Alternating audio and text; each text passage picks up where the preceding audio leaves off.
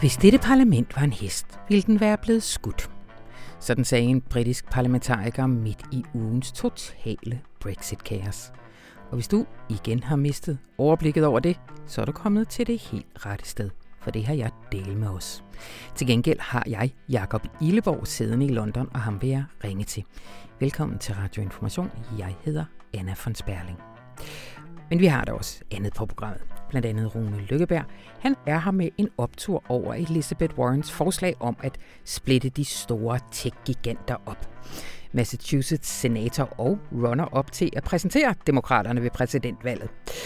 Er det måske denne kvinde, der kan udfordre Bezos og Zuckerberg, der også kan ordne Trump? Og apropos dem, der i enhver forstand er alt, alt for meget til nogensinde at blive statsleder, ikke sandt? Så har Christian Mongård set den nye film Silvio og de andre om Italiens mangeårige solbrændte solkonge Silvio Berlusconi. Og den vil han på det allervarmeste anbefale. Men allerførst skal vi tale om den klimastrække, der fredag blev større end nogensinde. Den blev startet af Greta Thunberg, der ene store barn stillede sig op hver fredag foran den svenske rigsdag. Tusind fulgte efter, og torsdag der blev hun shortlistet til Nobelprisen i fred. Ser vi faktisk begyndelsen på et nyt klimaungdomsoprør. Velkommen til.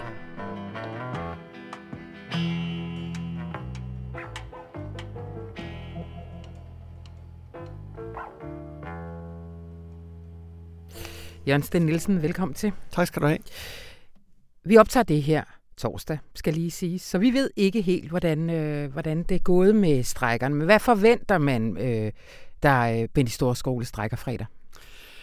Det sidste, jeg har set, det er noget med 1600 steder rundt omkring i verden, hvor skoleelever og andre unge studerende går i skolestrække.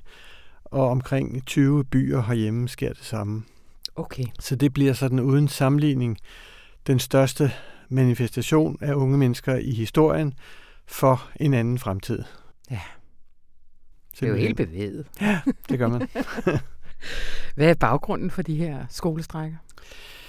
Jamen det er jo, man kan sige, øh, der er en, den svenske pige, som hedder Greta Thunberg, som var 15 år, da det her startede, har på en eller anden måde ramt en tidsånd. Jeg kunne forestille mig, at det var sket alligevel, men, men hun har formået at hvad skal vi sige, øh, udløse noget, som, som var i tiden. Ikke? Da hun startede i september, august sidste år med at personligt klimastrække foran den svenske rigsdag før valget til, til det svenske, det svenske parlament. Mm. Og hendes øh, hvad skal jeg sige, modige indsats at gå hjem fra skole og sige, nu strækker jeg, fordi jeg får ikke nogen fremtid, hvis ikke vi ændrer på det her. Øh, den har gjort så stærkt indtryk, at, at det har spredt sig overalt i verden i virkeligheden. Ja. Og det er jo, det er jo egentlig sjovt. Strækkeværktøjet øh, kender vi jo øh, så godt i alle mulige andre sociale kampe, men at sådan en 16-årig lige tyr ja. til strækken ja. er ret interessant, synes jeg. Ja. Og har jo også fået en masse reaktioner. Det er jo blandt andet blevet kaldt pjek. Det er jo det, og det er jo ikke det, det er, fordi altså, især for hende, men, men for 10.000 af andre, der har det jo været en personlig beslutning om at sætte sig op imod reglerne, øh, dagens schema, skolelæreren, rektor, og sige, nu, nu går jeg altså, fordi mm. der er noget, der er vigtigere for mig. Ikke? Ja. Så det, det, det kræver en masse mod, det har nogle personlige omkostninger, så det er jo ikke en pjekkedag. Mm. Øhm, og det er jo påfaldende, at vi voksne, vi har sådan en, en lang tradition for at strække, nu er den måske ikke så stærk i disse år, men strække, hvis vi får for lidt i løn, typisk. Øh, og nu er der altså nogle skoleelever, som strækker for bare at få en fremtid. Mm. Øhm, og man kan jo spørge, hvor, hvor er vi andre henne? Ikke? Ja. Vi, vi som, som øh, er voksne og er årsag til det her. Ja. Der er en forsker i, øh, i torsdagens avis, der netop siger det der, synes jeg meget godt, at lige nu bliver der sagt til alle børn, du ved, få en hurtig uddannelse, kom hurtigt igennem uddannelsessystemet, det er det vigtigste for din fremtid. Og de siger, hov, på det tidspunkt, vi er færdige mm. med vores uddannelse, kan det være, der ikke er nogen? Eller sådan, Præcis. altså der virkelig er et, øh, et stort... Øh, gab gennem mellem generationer lige nu ja. på det her spørgsmål. Ja. Og det er jo interessant, så bred opbakning de får. Altså, det er jo helt overvældende. Øhm, for nogle er det måske gratis at, at bakke dem op, men de sidste tal, jeg har set her på det tidspunkt, hvor vi optager, er, at der er alene i det tysktalende område, det vil sige Tyskland, øh, Østrig og Schweiz, er der 19.000 akademikere, som per dags dato har skrevet under på en støtteerklæring. Mm. Øh, der, var, der er tusind, der har gjort det i Belgien. Der er tilsvarende forskermobilisering i gang i USA. Der har været det i Australien, der har været det i England. Altså den akademiske verden, som plejer at sidde og sige, vi skal lave forskning, vi skal ikke blande os, er gået på barrikaderne og støtter måske deres egne børn i virkeligheden. Ja. Du har en leder i torsdagens avis, Jørgen, og du har kaldt den Ungdomsoprøret, og den øh, titel, den, den er jo på en måde optaget. Så det har du jo ikke gjort bare for at beskrive, at det er unge, der gør det, men også fordi du synes, at man kan få noget ud af at, øh, at se øh, på forskelle og ligheder i forhold ja. til 68-oprøret. Kan du altså sige, det første, man må sige, det er, at, at øh, det her er meget større end det, vi så i 68, i den forstand, at øh, det er øh, mange, mange flere steder i verden, Øh, det er formentlig flere mennesker, som er involveret, end der var dengang. Men det er også meget anderledes, fordi dengang, der var det ligesom et, et øh, hvad skal vi sige, i hvert fald i høj grad et ideologisk oprør, øh, og det handlede om, om at frisættelse, om at selvrealisering, om at bryde nogle systemer ned og pille nogle autoriteter fra, fra deres positioner. Og lave revolution var jo det, som mange sagde. Ikke?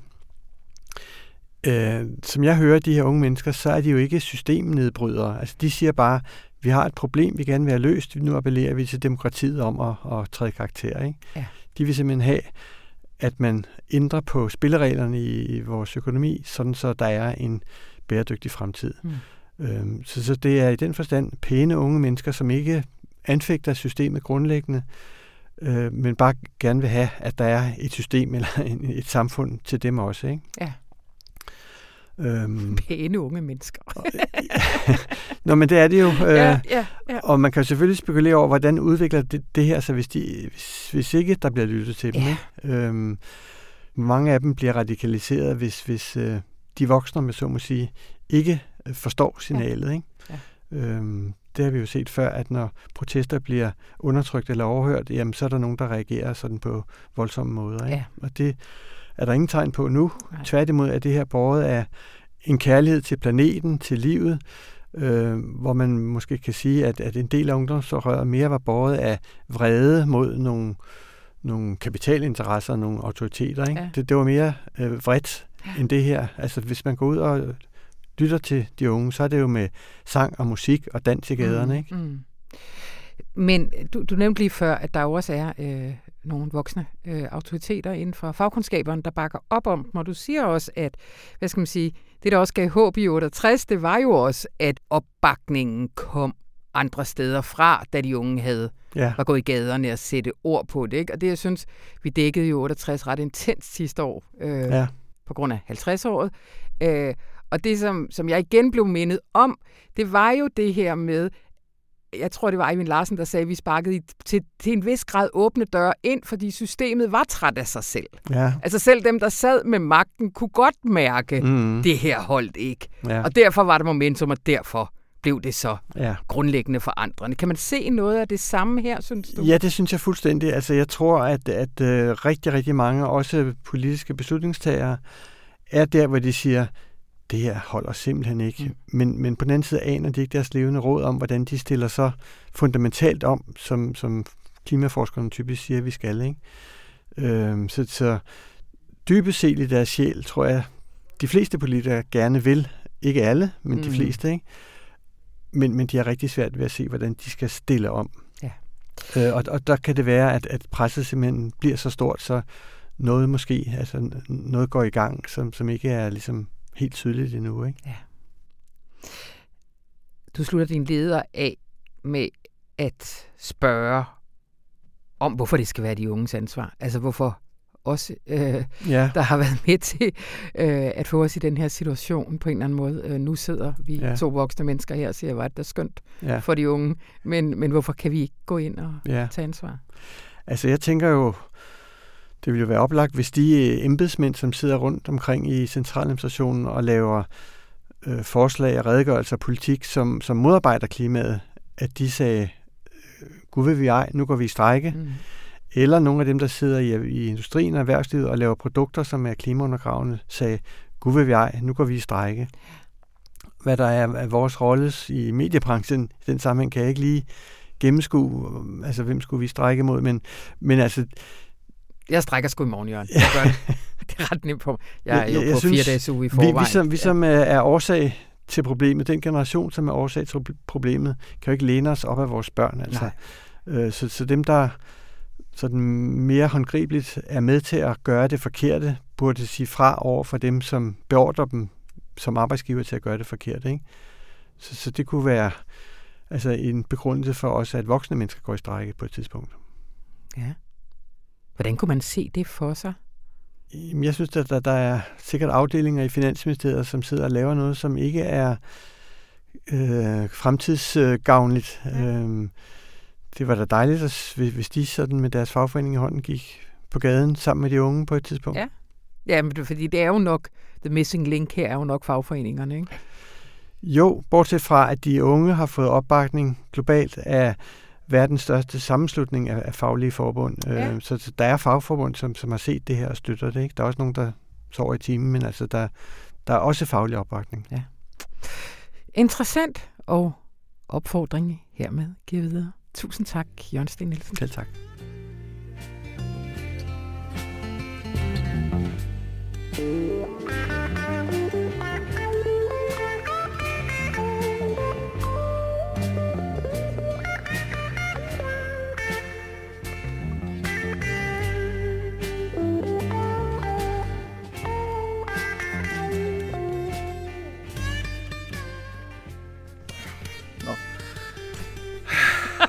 Send. Nu fik jeg rasset lidt af Anna. Tak for det. Det gjorde du. Jamen, velkommen til, Christian Vangård. Tak. Øh, lytter, lytterne fik lige her slutningen af et lille raserianfald over computerproblemer. Det siger jeg bare, Christian, fordi det kan alle derude relatere til. Det kan alle til. derude relatere til. Jeg, jeg, jeg, jeg har igennem mange, mange år været det, jeg selv betragter som superbruger. Ja. Og det vil sige, at jeg burde kunne få ting til at virke, men det er jo sådan, at når man arbejder i en medievirksomhed, sikkert alle, alle større virksomheder, så er der lige pludselig ting, man ikke selv kan styre længere. Det er nemlig rigtigt. Der, der sidder, så sidder der et firma ude i byen og styrer vores IT-sikkerhed herinde. Ja. Og vores computer og opdateringer og alt muligt andet. Og det frustrerer mig sindssygt. det er det. så, men, men øh, nu... Men tiden kan jo også løbe fra enhver superbruger. Sådan er det desværre hov, hov. Hvad mener du med det? Du er ikke digitalt indfødt. Det er så rigtigt. Næsten. Men det er, er kun sådan halv indfødt. Er det ja, må sige. En 8. del indfødt. Men til gengæld så har du set film hele dit liv. Og nu har du set en til. Og øh, den handler simpelthen om Silvio Berlusconi. Ja, det gør den. Øh, det er ret interessant, fordi det er, jo, det er jo i virkeligheden det er jo en film, der er lavet af den italienske filminstruktør øh, Paolo Sorrentino. Mm-hmm. Han har tidligere lavet øh, en film, der hed Il Divo, der han hedder Andreotti, den for mange år siden øh, italienske premierminister og præsident, hvis mm-hmm. der også på et tidspunkt.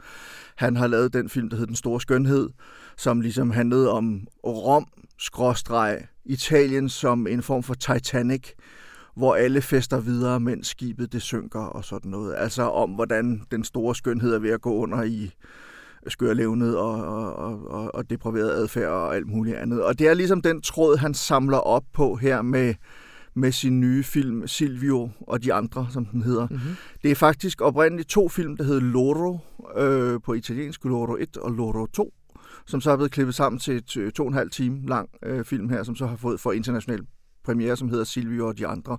Og Loro betyder på italiensk de andre. Øh, det, det er også et, et ordspil på det italienske ord for guld, øh, oro eller loro, guldet og sådan mm-hmm. noget. Så, så allerede måske titlen får mig lidt fornemmelsen af, at den handler jo om Silvio Berlusconi som den her solkonge, som alting på en eller anden måde cirkler omkring eller kredser omkring, og hvordan alle gerne vil i ja, enten i bukserne eller, eller i lommerne på ham, mm. øh, fordi så mener de, at deres lykke er gjort. Han er den her solkonge, der sidder øh, i ensom majestæt og ligesom smiler sit lidt forkridvede smil og med sit øh, tilbagestrøgende, øh, tynde og farvede hår og i en alder på det tidspunkt, hvor film skal fortsætte at foregå, der er han sådan i 70'erne ja. et eller andet sted. Ikke? Altså, det bliver aldrig rigtig sagt i filmen, hvornår den foregår, men det er omkring 2008-2009 har jeg kunne regne mig frem til ud fra nogle ting, der sker i filmen og sådan noget. Og det er på et tidspunkt, hvor han lige er blevet detroniseret som premierminister, men får kæmpet sig tilbage til at være premierminister. Ja.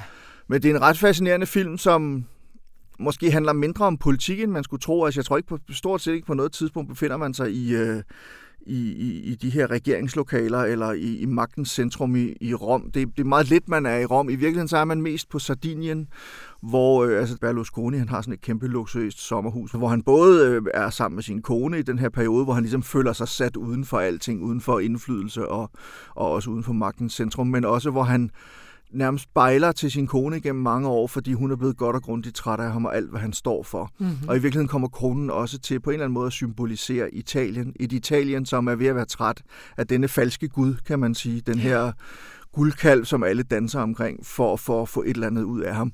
Og det er i virkeligheden det, den handler om. Altså, den handler jo simpelthen om, den, om, en, om en folkeforfører, som stadigvæk har stort set alle mennesker i sin lomme, har et fast greb om, om alting, og kan få folk til at gøre hvad som helst for sig. Mm. Ikke kun på grund af magt og penge, men også fordi han ligesom har sådan en, nærmest sådan et kraftfelt af, af der er et eller andet, han er sådan en meget karismatisk ja. mand faktisk, og han, han er jo heller ikke grim på den måde, altså han, det, det, det er sådan, han har bare, han har en charme, han har en karisma, det har selvfølgelig både noget med magt og penge at gøre, men det har også noget at gøre med, at han, han, han tror på det, han gør, mm. og han har den her næsten barnlige, næsten uskyldige glæde over livet og livets goder, som jo især er meget unge piger, kan man sige, som han er alt, ja. lidt, lidt for glad for. Hvad, hvad, hvad, hvad giver filmen et bud på, hvad der driver ham? Det er et godt spørgsmål, og det gør den måske i virkeligheden ikke. Og jeg sad også og kæmpede lidt med det, da jeg skulle skrive min anmeldelse, fordi det, og hans kone siger det på et tidspunkt, at, at man kommer aldrig rigtig tæt på dig, du giver aldrig noget af dig selv, og det erkender han så også over for hende, at det er rigtigt. Men hun siger også, skriver du i den anmeldelse, du er bare et barn, som frygter døden. Ja, men det, det tror jeg også, altså, og i det her tilfælde, der tror jeg, altså, så man kan sige, på den ene side, så forbliver han sådan et ciffer, et mysterium, mm.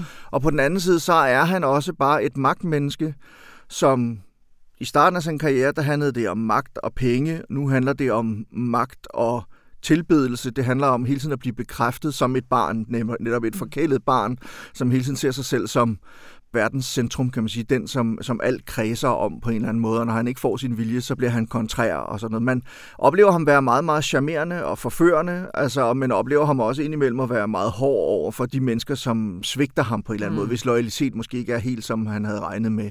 Folk havde det åbenbart med at undervurdere Berlusconi, og, og hver gang så kom han ret stærkt tilbage. Jeg tror, han nåede at have fire regeringsperioder, eller sådan noget den stil, ikke? Ja, vi er blevet sådan... lidt klogere i mellemtiden med den der tilbøjelighed, vi har til at at udnævne folk som sådan lidt latterlige figurer. Mm. Sådan en gammel forestilling om, at statsmanden han er sådan en ophøjet kontrolmand. Eller mm. Det har jo så vist sig nogle gange, og ikke mindst med Trump, at det skal vi da i hvert fald lade være med at satse på, ja. at, øh, at for flamboyante personager ikke også samtidig kan få en fans masse politisk magt. Jamen, det bliver ret fascinerende. Jeg sad faktisk, og jeg, jeg har det ikke taget med, jeg slettede det faktisk af min anmeldelse igen, men jeg havde et lille afsnit, der handlede om, at jeg har, er fuldstændig overbevist om, at Donald Trump han må have set på Berlusconi i nogen sammenhæng. Altså uden den der europæiske elegance og finesse, som Berlusconi trods alt havde, i hvert fald mm. sammenlignet med, med, med Trump. Men der er et eller andet i den der barnagtige adfærd, som øh, Berlusconi havde, at den må Trump simpelthen, han må nærmest have kigget på den og taget ved lære af den. Øh, men, men det, der så også bliver sagt meget fra starten, og, og sådan er det med alle Sorrentinos film, altså at de handler om virkelige personer, men de har også tilladt sig at fantasere en hel del over, hvordan kunne privatpersonen Berlusconi være. De har forholdt sig til, hvad der har stået i aviserne, og så har de digtet videre ham og manuskriptforfatterne. Og, og det der kommer, jeg synes, der er kommet ret fantastisk film ud af det. Altså de der to og en halv time, de, de går sgu rimelig hurtigt, mm. øh, jeg vil faktisk, kunne faktisk godt tænke mig at se de to separate spillefilm, der ligesom har lavet, fordi der er et eller andet enormt fascinerende og spændende over os netop at komme længere ind i føler man i hvert fald lidt ind i hovedet på, eller ind i, i inderkredsen omkring et menneske som Berlusconi, som, fordi man sidder jo og tænker, hvordan fanden, altså lidt ligesom vi har tænkt det med Trump, hvordan fanden kan sådan nogle mennesker komme helt op på magtens sten? Hvordan kan det lade sig gøre, at folk stemmer på dem? Yeah. Og der er jo i hvert fald den der... Øh, ting, man siger om i forhold til italienere eller sådan noget, men de kan godt lide en stærk mand, og de kan også godt lide en, der kan snyde systemet. Det er jo lidt ligesom med Donald Trump, at man ser på ham, og det kan godt være, at han ikke følger reglerne, men han forstår i hvert fald at gøre sig gældende og, og, og ligesom stadigvæk holde fast i magten og sådan nogle ting. Og det har man mere respekt for næsten end en, en eller anden regelret lidt kedelig type. Mm. Så kan man bedre lide de her flamboyante verdensmænd i gåsøjne. Øh, hvordan er filmen blevet øh, modtaget i Italien? Det er faktisk et godt spørgsmål. Jeg ved det ikke rigtigt. Der har, altså sjovt nok, i modsætning til tidligere øh, i forhold til øh, Sorrentinos film, så plejer der at være sådan en, en, en forholdsvis meget ballade omkring det, forholdsvis meget stor opsigt og sådan noget. Men man kan jo sige, det er jo alligevel nogle år siden, at Berlusconi han for alvor Præcis. har været en magtfaktor. Så derfor så tror jeg måske, der er blevet taget bedre imod den, eller den har vagt mindre opsigt ja. måske, end, og mindre ballade, end den ville have gjort for, for 10 år siden, for eksempel. De har lidt andet at lægge råd med i det. De har nogle andre ting, de, de roder med, ikke? Øhm, og, og, og det betyder selvfølgelig også noget, men, men det er bare fascinerende, fordi lige så meget som er et portræt af Berlusconi, så er den et portræt af Italien, og det her med, at nu har de tilbedt den her falske gud, og så vender de Altså, der er sådan et ret fantastisk billede, hvor sådan en, en, en kristusfigur bliver hejst af en kran ud af en ødelagt kirke efter et jordskælv. Og, og der står en sådan en hel masse af mennesker andægtige, der ser til og sådan noget, og man ligesom har fornemmelsen af, at at gøre korsets tegn samtidig, at nu er de her øh, gudsfrygtige øh, katolske italienere, nu, nu er de ligesom blevet vækket, nu tilbeder de ikke længere den falske gud Berlusconi, nu vender de tilbage til, til Kristus. Det er sådan meget symbolsk, kan man sige. Hvor kan den ses? Jamen, den kan ses i langt de fleste kvalitetsbiografer. Ja, det, jeg, jeg, jeg faldt lige over, at det står der faktisk kvalitetsbiografer landet over. Ja, altså det vil sige, man kan ikke se den i de store multiplexbiografer, men man kan se den i, alligevel i en lang række af de øh, lidt mere kvalitetsbevidste biografer. Nu sagde jeg det igen, jeg ved godt, der er sikkert, sidder sikkert nogle Nej, biografdirektører derude og bliver, bliver sure over det. Men altså Silvio og de andre hedder den af Paolo Sorrentino, og jeg synes bestemt, man skal se den. Godt. Det bliver sidste ord. Tusind tak, Christian Mongård. Selv tak.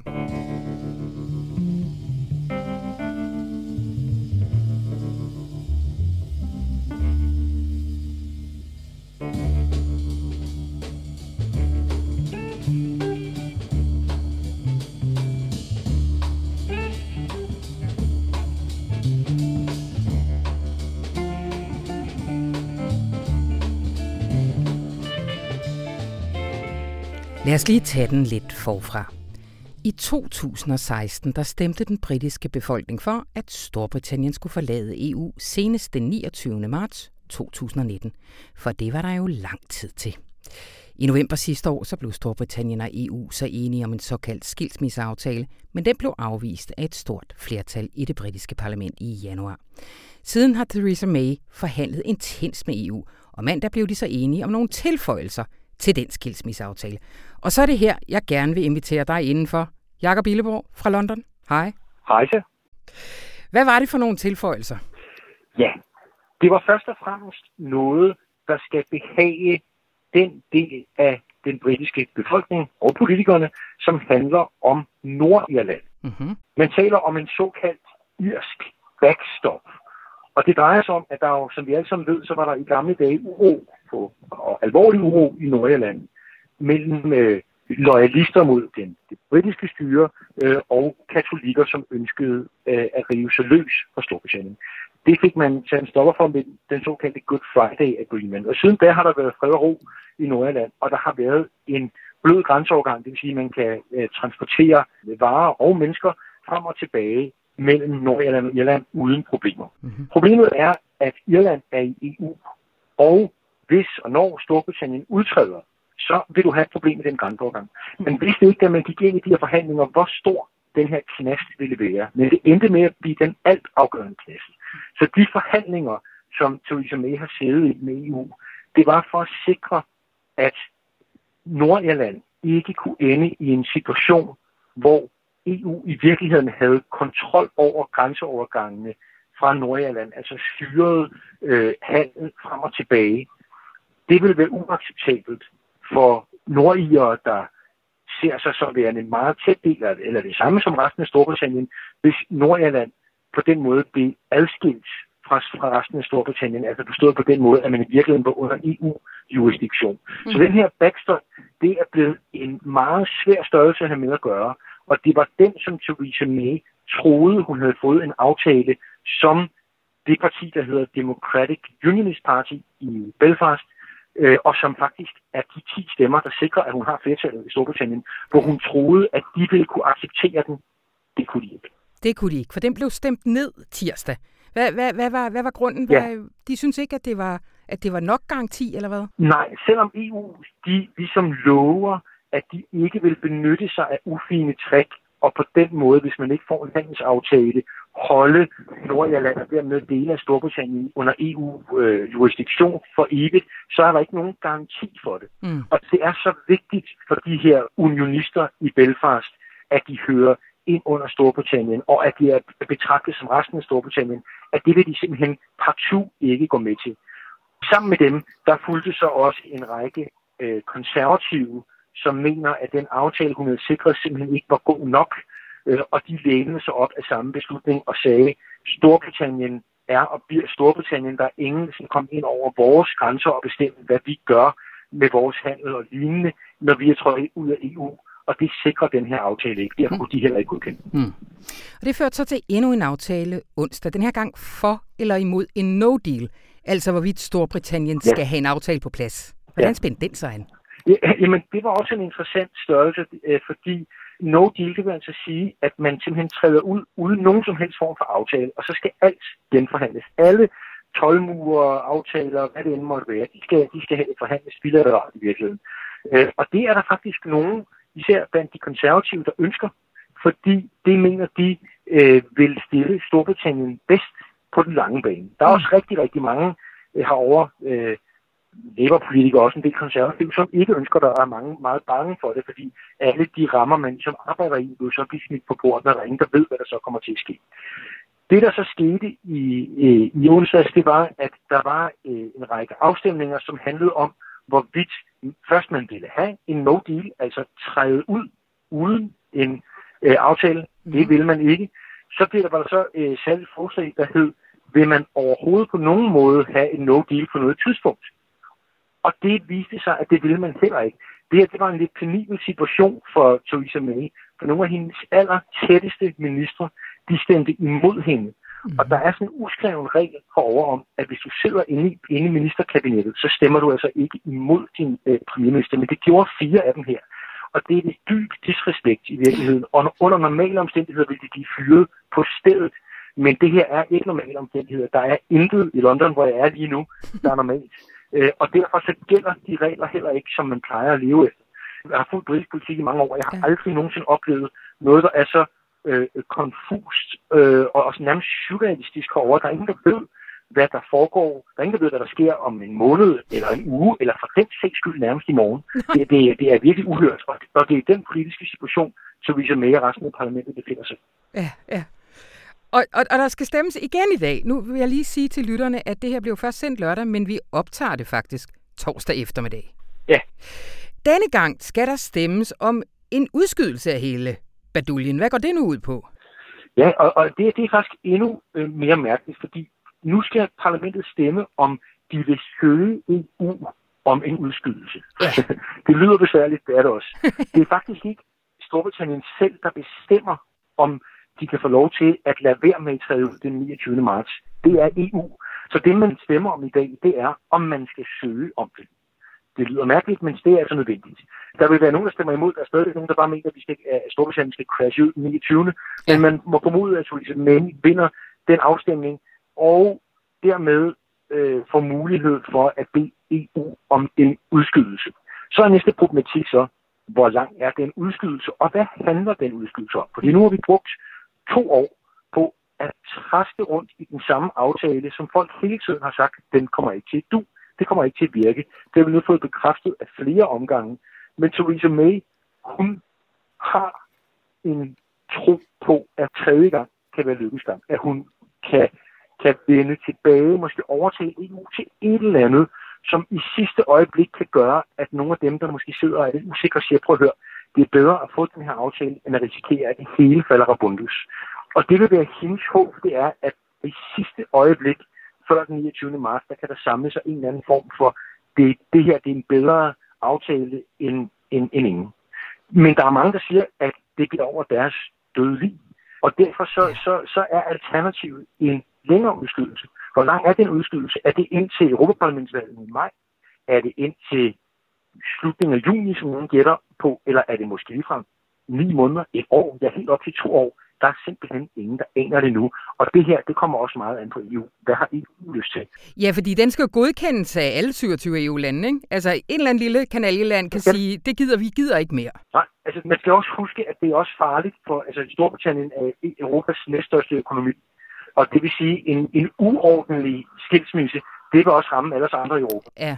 Øh, så derfor er det sådan set ikke i EU's interesse at få en no-deal. Nej. De, de vil på mange måder, det er selvfølgelig, mener jeg heller ikke personligt i Storbritanniens interesse, det er sådan en anden sag, men, men, men man kan sige, at EU vil for alt i verden helst have det til at foregå ordentligt.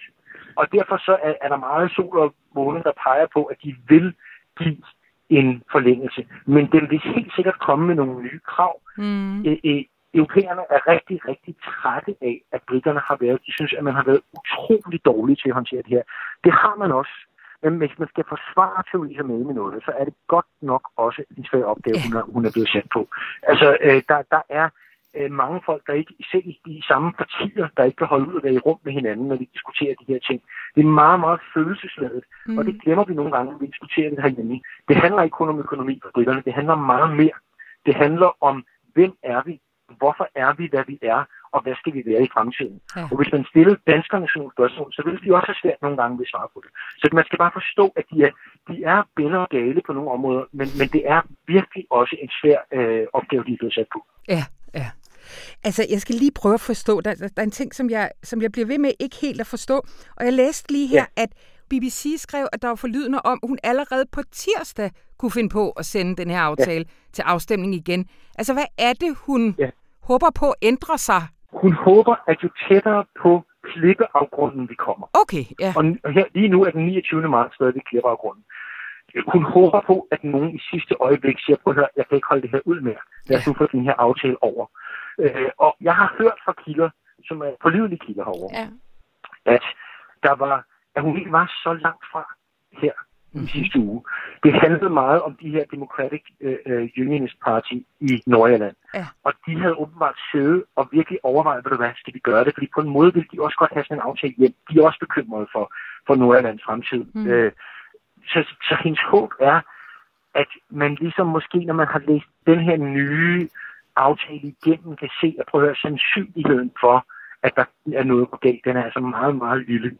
Så nu blæser vi lidt på princippet om, at vi skal være 100% sikre, og så er nogle 90% sikre også fint nok. Ja. Altså, det er ikke utænkeligt, at det sker, men lige nu kan man sige, at der er en, en, en britisk kommentator, der siger meget fint forleden, sagde, at alle scenarier lige nu er i virkeligheden utænkelige. Mm-hmm. Men en af dem skal det jo være.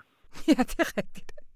Der er jo også det scenarie, de kan også vågne op alle sammen i morgen og være sådan, åh, hvad fanden har vi tænkt på? Vi kan også bare blive i EU, for det kan ja. de godt, ikke? Altså, det, det har EU ikke nogen jo. mulighed for at blande sig men, men, men, men man skal huske, at det, det mest bemærkelsesværdige, der er sket i den sidste uges tid, det er, at den meget store del, det klare flertal af parlamentarikerne i virkeligheden, der er for at blive i Europa, de er vågnet op til død, nogle af dem. Ja. Mange har indtil videre bare blevet ved, at man ligesom, vi må acceptere folkets vejledende dom, og det vil være ballade, hvis, hvis vi ikke følger den, og derfor skal vi ud. Sådan er det bare. Men eftersom at det er endt så kaotisk, som det er, så er der flere og flere, som ikke tror, at de ender med simpelthen ikke at forlade EU. Jeg hørte Vince Cable, der er, er tidligere formand for Liberaldemokraterne herovre, som helt åben øh, til BBC i forgårs eller sådan noget sagde, øh, vi arbejder målrettet på, at Storbritannien ikke kommer til at forlade EU. Jeg tror, vi har vind i sejlene. Jeg tror, vi bliver svære at stoppe. Øh, og det er altså den ene fløj. Og den anden fløj, det er den fløj, der vil gøre alt, hvad de overhovedet kan, for at Storbritannien crasher ud, helst uden en aftale. Mm. Og så, så ekstremt er parlamentet lige nu. Og det er altså i det minefelt, at Theresa May arbejder, hvis man skal, skal ligesom prøve at forklare, ja. hvorfor hun har gjort så utroligt dårligt job, som hun har. Ja. Øh, så ja, man kan sige, det er lige så utænkeligt, at Storbritannien pludselig siger, at vi vil godt blive alligevel. Men igen, en af scenarierne ja. skal det jo være. Og lige her før vi slutter, lad os lige runde et sidste scenarie, som er muligheden for et parlamentsvalg. Ja. Altså at sige, ja. det her, det er ikke Theresa May, der kører den her hjem. Vi kan ikke sætte det her til ja. afstemning igen. Altså, det vil være demokratisk ja. tvivlsomt, men vi kan spørge øh, ja. britterne igen, hvem, øh, hvem skal køre den her.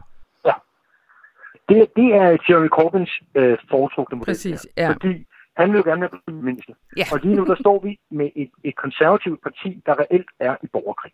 Der er en fløj af de konservative, der hedder European Research Group, som har etableret de facto deres egen parti. De øh, adlyder deres egne bosser. Øh, de er ret hemmelighedsfulde, men de er relativt store og magtfulde. Jacob Rees-Mogg er en af de mere prominente af dem. Og de kan ikke være i rum med Theresa May lige nu. De konservative er, er, er potentielt i en eksistensopløsningskrise. Og det skal og vil Labour jo udnytte. Yeah. Øh, for få år siden var der meget, meget få, der ville have troet, at Jeremy Corbyn, som er relativt venstreorienteret på britisk politik, ville have haft Kina chance for at komme i nærheden af magten. Nu kan han nærmest se nøglerne stikke ud af, til Downing Street af mm. Theresa Mays øh, frakke, og han har lyst til at snuppe dem. Og det vil være et, et øh, parlamentsvalg, der, der, der, der skulle til for, for, at det sker. Er det sandsynligt, det sker? Ja, det er det. Øh, men, men på samme måde som alle de andre scenarier, det afhænger af utrolig mange ting. Men Theresa May er blandt nogle walking. Hun er færdig. Det ved vi.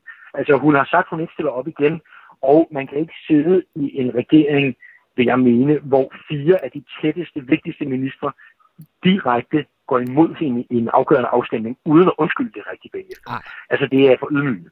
Så, så mit bud er, at Theresa May prøver at gøre aftalen færdig. Det var det, hun blev premierminister for og så snart hun har gjort det, så sker der noget. Det ja. kunne være et, øh, et parlamentsvalg. De konservative har bare ikke særlig meget lyst til det, fordi de ved, de vil stå rigtig svært. Nej, men hun fortjener snart at smide skoene og fødderne op på sofaen, ikke? Jo. Jakob Illeborg, det gør du ikke helt endnu, fordi du har masser at se til med det her, og øh, jeg håber at du kommer igennem i radioinformationen en anden gang. Det kan du tro. Vi snakkes ved. Hej. Hej.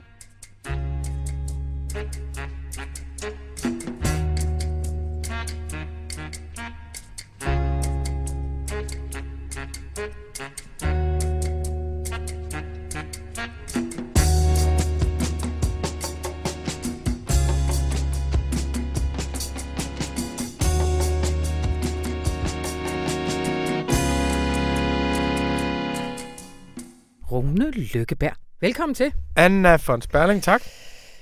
Du har en optur den her uge, og jeg mistænker dig lidt for, at det er sådan en del af en strategi med at få mig væk fra Bernie Sanders og gøre mig til Tim Warren. Er det rigtigt? I så fald er det en ubevidst strategi, men sådan er det jo tit. Sådan er det. Der er jo enormt meget ledelse, Anna, der er intuitiv. Ikke? Ja, det er og det, der er jo, det er jo tit den der intuitive ledelsesform, som så viser sig at være en strategi. Ja. Og det, det har jeg ikke... Øh... Nej, men nu har jeg jo gennemskuddet dig, så du kan aldrig gøre den der med at få det til at ligne, det var min idé. det, det, det er rigtigt. Det, er det, nummer to i den bog, du har læst. Det er rigtigt, men jeg tror bare meget på den intuitive ledelsesform. Ikke? Og intuitionernes strategier, det er kun andre, det er kun andre, der ser dem. Det er sandt. Men vores overordnede optur, den er, at i hele vores voksne levetid, der har vi jo egentlig været vidne til afviklingen af politik. Mm-hmm. Altså, Venstrefløjen kom til at minde om højrefløjen, Socialdemokraterne var nyliberalister med et human face, og de borgerlige var nyliberalister, som også gerne ville indføre menneskerettigheder, og de gik også op i, for, i kvindefrigørelse, hvis bare det var Irak og Afghanistan. Så vi er ligesom, og der er mindre og mindre politik, der har været til forhandling. Og så kommer et stor eksplosion, højere nationalisme, populisme, og vi er enormt bange. Og nu kan vi så pludselig se, at genopdagelsen af politik, det betyder også, at ting, som vi har skrevet om i information og synes var var enormt vigtige for en lille offentlighed, som det hele tiden var svært at forene med den store offentlighed, de dukker op i den amerikanske valgkamp. Mm-hmm. Og det, der mhm. sker med demokraternes valgkamp, det er jo et fuldstændigt grundlæggende spørgsmål om, om, øh, om hvordan man skal beskatte de rige, hvordan man skal lave en stor Green New Deal, hvordan man skal lave sundhedsforsikring for alle. Ting, der har været ude af politik i årtier, bliver taget op og det er jo nu, vi forlader Bernie og går over til Warren. og Bernie var jo med til det, det må vi jo sige. Altså det der med at sige, vi kan være demokratiske socialister i Amerika, det var jo også at sige til folk, nu får I politik tilbage. Hvad vil I egentlig gerne have? Hvad vil I egentlig gerne have? Så stod der så en, øh, en orangehåret abe på den anden side og sagde, hvad er det I så ikke? Han gav dem sådan noget, de endnu eller vil have. Men valg mellem Hillary og Bernie var jo også et valg mellem ikke-politik og politik. Ja. Og derfor er det jo Bernie, der har vundet. Det er ham, der har bragt det demokratiske parti videre. Og der synes jeg, at vi har fået et hidtidigt højdepunkt med Elizabeth Warren, som i sidste uge, Elizabeth Warren, 69-årig øh, senator fra, fra Massachusetts, øh, uddannet advokat, og, var, og det elsker vi jo, det der med, at hun var republikaner i sin ungdom, mm. indtil hun så under Reagan så, hvordan den amerikanske højrefløj plyndrede øh, samfundet, og så blev hun venstreorienteret. Vi elsker jo dem, der ikke er venstreorienteret med hjertet, men blevet venstreorienteret med erkendelse, og så får hjertet. Ikke? Mm. Det er jo ligesom, når The Economist skriver, at fremtiden er socialistisk. Det er meget, meget bedre, end når A4 øh, skriver, skriver, skriver det. Øhm, og nu har, så har hun jo sådan en lidt kedelig sag med, at hun har sagt, at hun var, øh, hun, hun var indianer. Det er hun også. Det er bare kun en 256. del, så det lader vi ligge her. Men hendes seneste forslag er virkelig radikalt. Hun foreslår, at man bryder de store tech-virksomheder op. Mm-hmm. Og det, sagen er, at i USA har du jo faktisk en meget stærk antimonopol-lovgivning, den såkaldte antitrust-lovgivning. Og den var en reaktion på, at i slutningen af 1800-tallet, der fik man nogle meget store monopoler. Det fik du inden for øh, jernbanerne, du fik det inden for dem, der hævde olie op af jorden. Du fik dem på forskellige områder. Der kunne du se, at det frie marked førte til monopoler, der underminerede det frie marked. Og nogle af de skikkelser, vi kender som sådan ikoner på amerikansk kapitalisme, det er Rockefeller, det er Vanderbilt, øh, det er JP Morgan. De er ud af den æra, og det kalder man The Gilded Age. Og der fik du en meget stærk antitrust-lovgivning, hvor, som er for, forbilledet for alt, hvad Margrethe Vestager foretager sig i øvrigt. Øh, og det, som så er Elizabeth Warrens pointe, det er, at vi har fået en ny Gilded Age over de sidste 20 år, hvor vi har fået Larry Page, vi har fået Zuckerberg, vi har fået Jeff Bezos, som på samme måde har opnået en, en monopolstatus, som man faktisk godt kan angribe inden for den amerikanske lovgivning, som vi skal gøre det igen, nu er jeg på det amerikanske progressive som vi gjorde for, for 100 år siden. Og det findes der en stærk bevægelse for i USA, som hedder Neo-Brandesianism, efter den højesteretsdommer, som hedder Louis Brandeis, der faktisk øh, stod i spidsen for, for det her. Og der har hun kommet med et forslag om, hvordan man kan gøre det til lovgivning. Og der er det nemme forslag. Det, er jo, det er, har hun også. Det er jo det, mange har snakket om. Det er at sige, okay, det Google, Facebook, Amazon, Apple osv. gør, der de opkøber deres konkurrenter. Mm-hmm. Og så kan man så sige, at de skal udskille dem, de har, de skal udskille dem, de har opkøbt, og så bare rykke tilbage til at være dem, de er. Så det Facebook, sige, Instagram. Præcis. Ja. ja, og også Amazon Whole Foods. Oh, For eksempel, ja. altså ja, Amazon, ja. hver tredje amerikaners har Amazon som det sted, hvor man primært køber ind. Ja. Så når de opkøber Whole Foods for eksempel, så har du ikke bare platformen, du har også varerne mm. på, på hylderne. Det foreslår hun også, at man ruller de, de der opkøb tilbage. Men det er faktisk ikke det radikale i hendes forslag. Det er, at hun siger, alle virksomheder med en indtjening på over 25 milliarder dollars om året, de skal præcisere, hvad det er, de foretager sig. Og hvis de er det, som hun kalder platformsvirksomheder, så må de ikke også være andre typer virksomheder på samme tid. Det vil sige, at Amazon må godt være en platformvirksomhed, men Øh, men Amazon må ikke, fordi de er så store, så må det ikke også være dem, der sælger varer på hylderne. Ikke? Så de skal være platform, men hvis de vil have et Amazon, der sælger bøger, eller hvis de vil have et Amazon, der sælger dagligvarer, så skal de lade nogle andre virksomheder gøre det, og så kan man godt oprette noget, der hedder Amazon Prime, som mm. bliver en selvstændig øh, virksomhed. Og ikke alene vil hun så ligesom sige, alt over 25 milliarder om året, de må ikke også sælge på deres egen platform. Det vil sige, Google Search skal adskilles fra Google Ads. Så det er rimeligt Aha. disruptivt. Og det vil hun gøre øh, ved at indføre det som lovgivning, men også ved at oprette nogen, som hun kalder administrators, som er en slags ministerier, som faktisk skal overvåge det her løbende. Og det er jo der, hvor Warren er stærkere end Bernie Sanders. Fordi Bernie Sanders tænker meget på, hvordan staten skal være indrettet, og så vil han lave Sverige og Danmark over hele USA. yeah. Så det er meget universal healthcare og sådan noget, ikke? Mm. Hun går jo hele tiden fra økonomi til politik, og hun ja. siger, at den her økonomi skal vi bryde ned på, på, på, på den og den måde, så det er rulle, rulle, rulle opkøbene tilbage, det er begrænse alt over 25 milliarder dollars om året, det er at få effektiv, ikke bare lovgivning, men også administration, der, mm. skal, der skal overvåge det. Hvad har reaktionerne været på det? Jamen, det, som er interessant, det er klart en af vores gamle venner, arbejdsminister Robert Reich, øh, som jo har skrevet en masse øh, venstreorienterede bøger, som også er blevet mere og mere venstreorienteret med tiden. Han tilhører de demokrater, ligesom The Nation og Slate og sådan nogle, der synes, det er en fantastisk idé. Men det sjove er, at der er faktisk også nogle konservative republikanere, som synes, det er en rigtig god idé. Så hun har, når hun er best Warren, en relativt bred appel.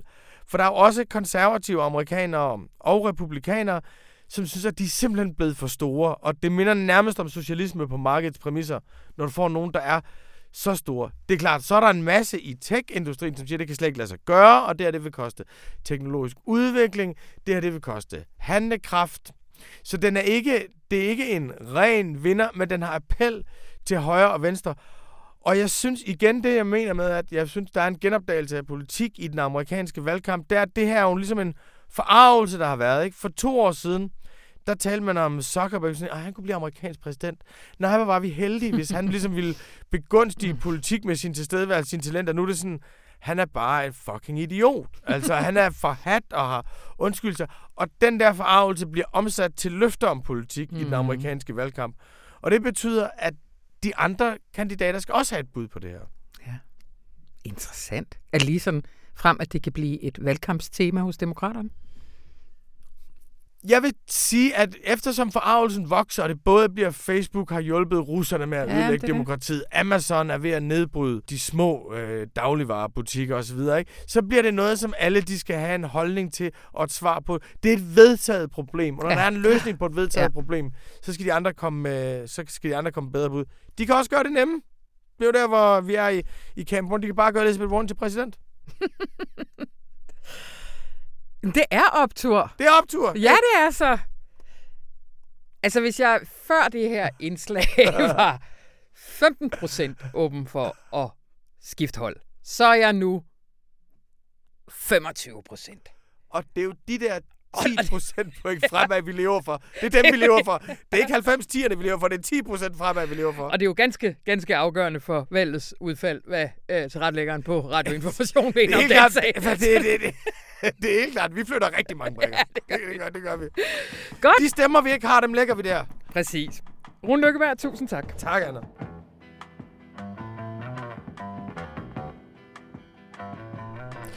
Og det var alt for denne gang. Næste uge så er det min gode kollega Otto Lærke, der vil styre løjerne her. Jeg skal nemlig en lille tur til Indien og snakke med kloge hoveder til vores store satsning, der skydes i gang, samtidig med, at det indiske valg starter den 11. april. Så heldig er jeg. Jeg hedder Anna von Sperling, og jeg har tilrettelagt dette program, der er blevet klippet så fint af Astrid Dynesen. Og må du have en rigtig dejlig weekend.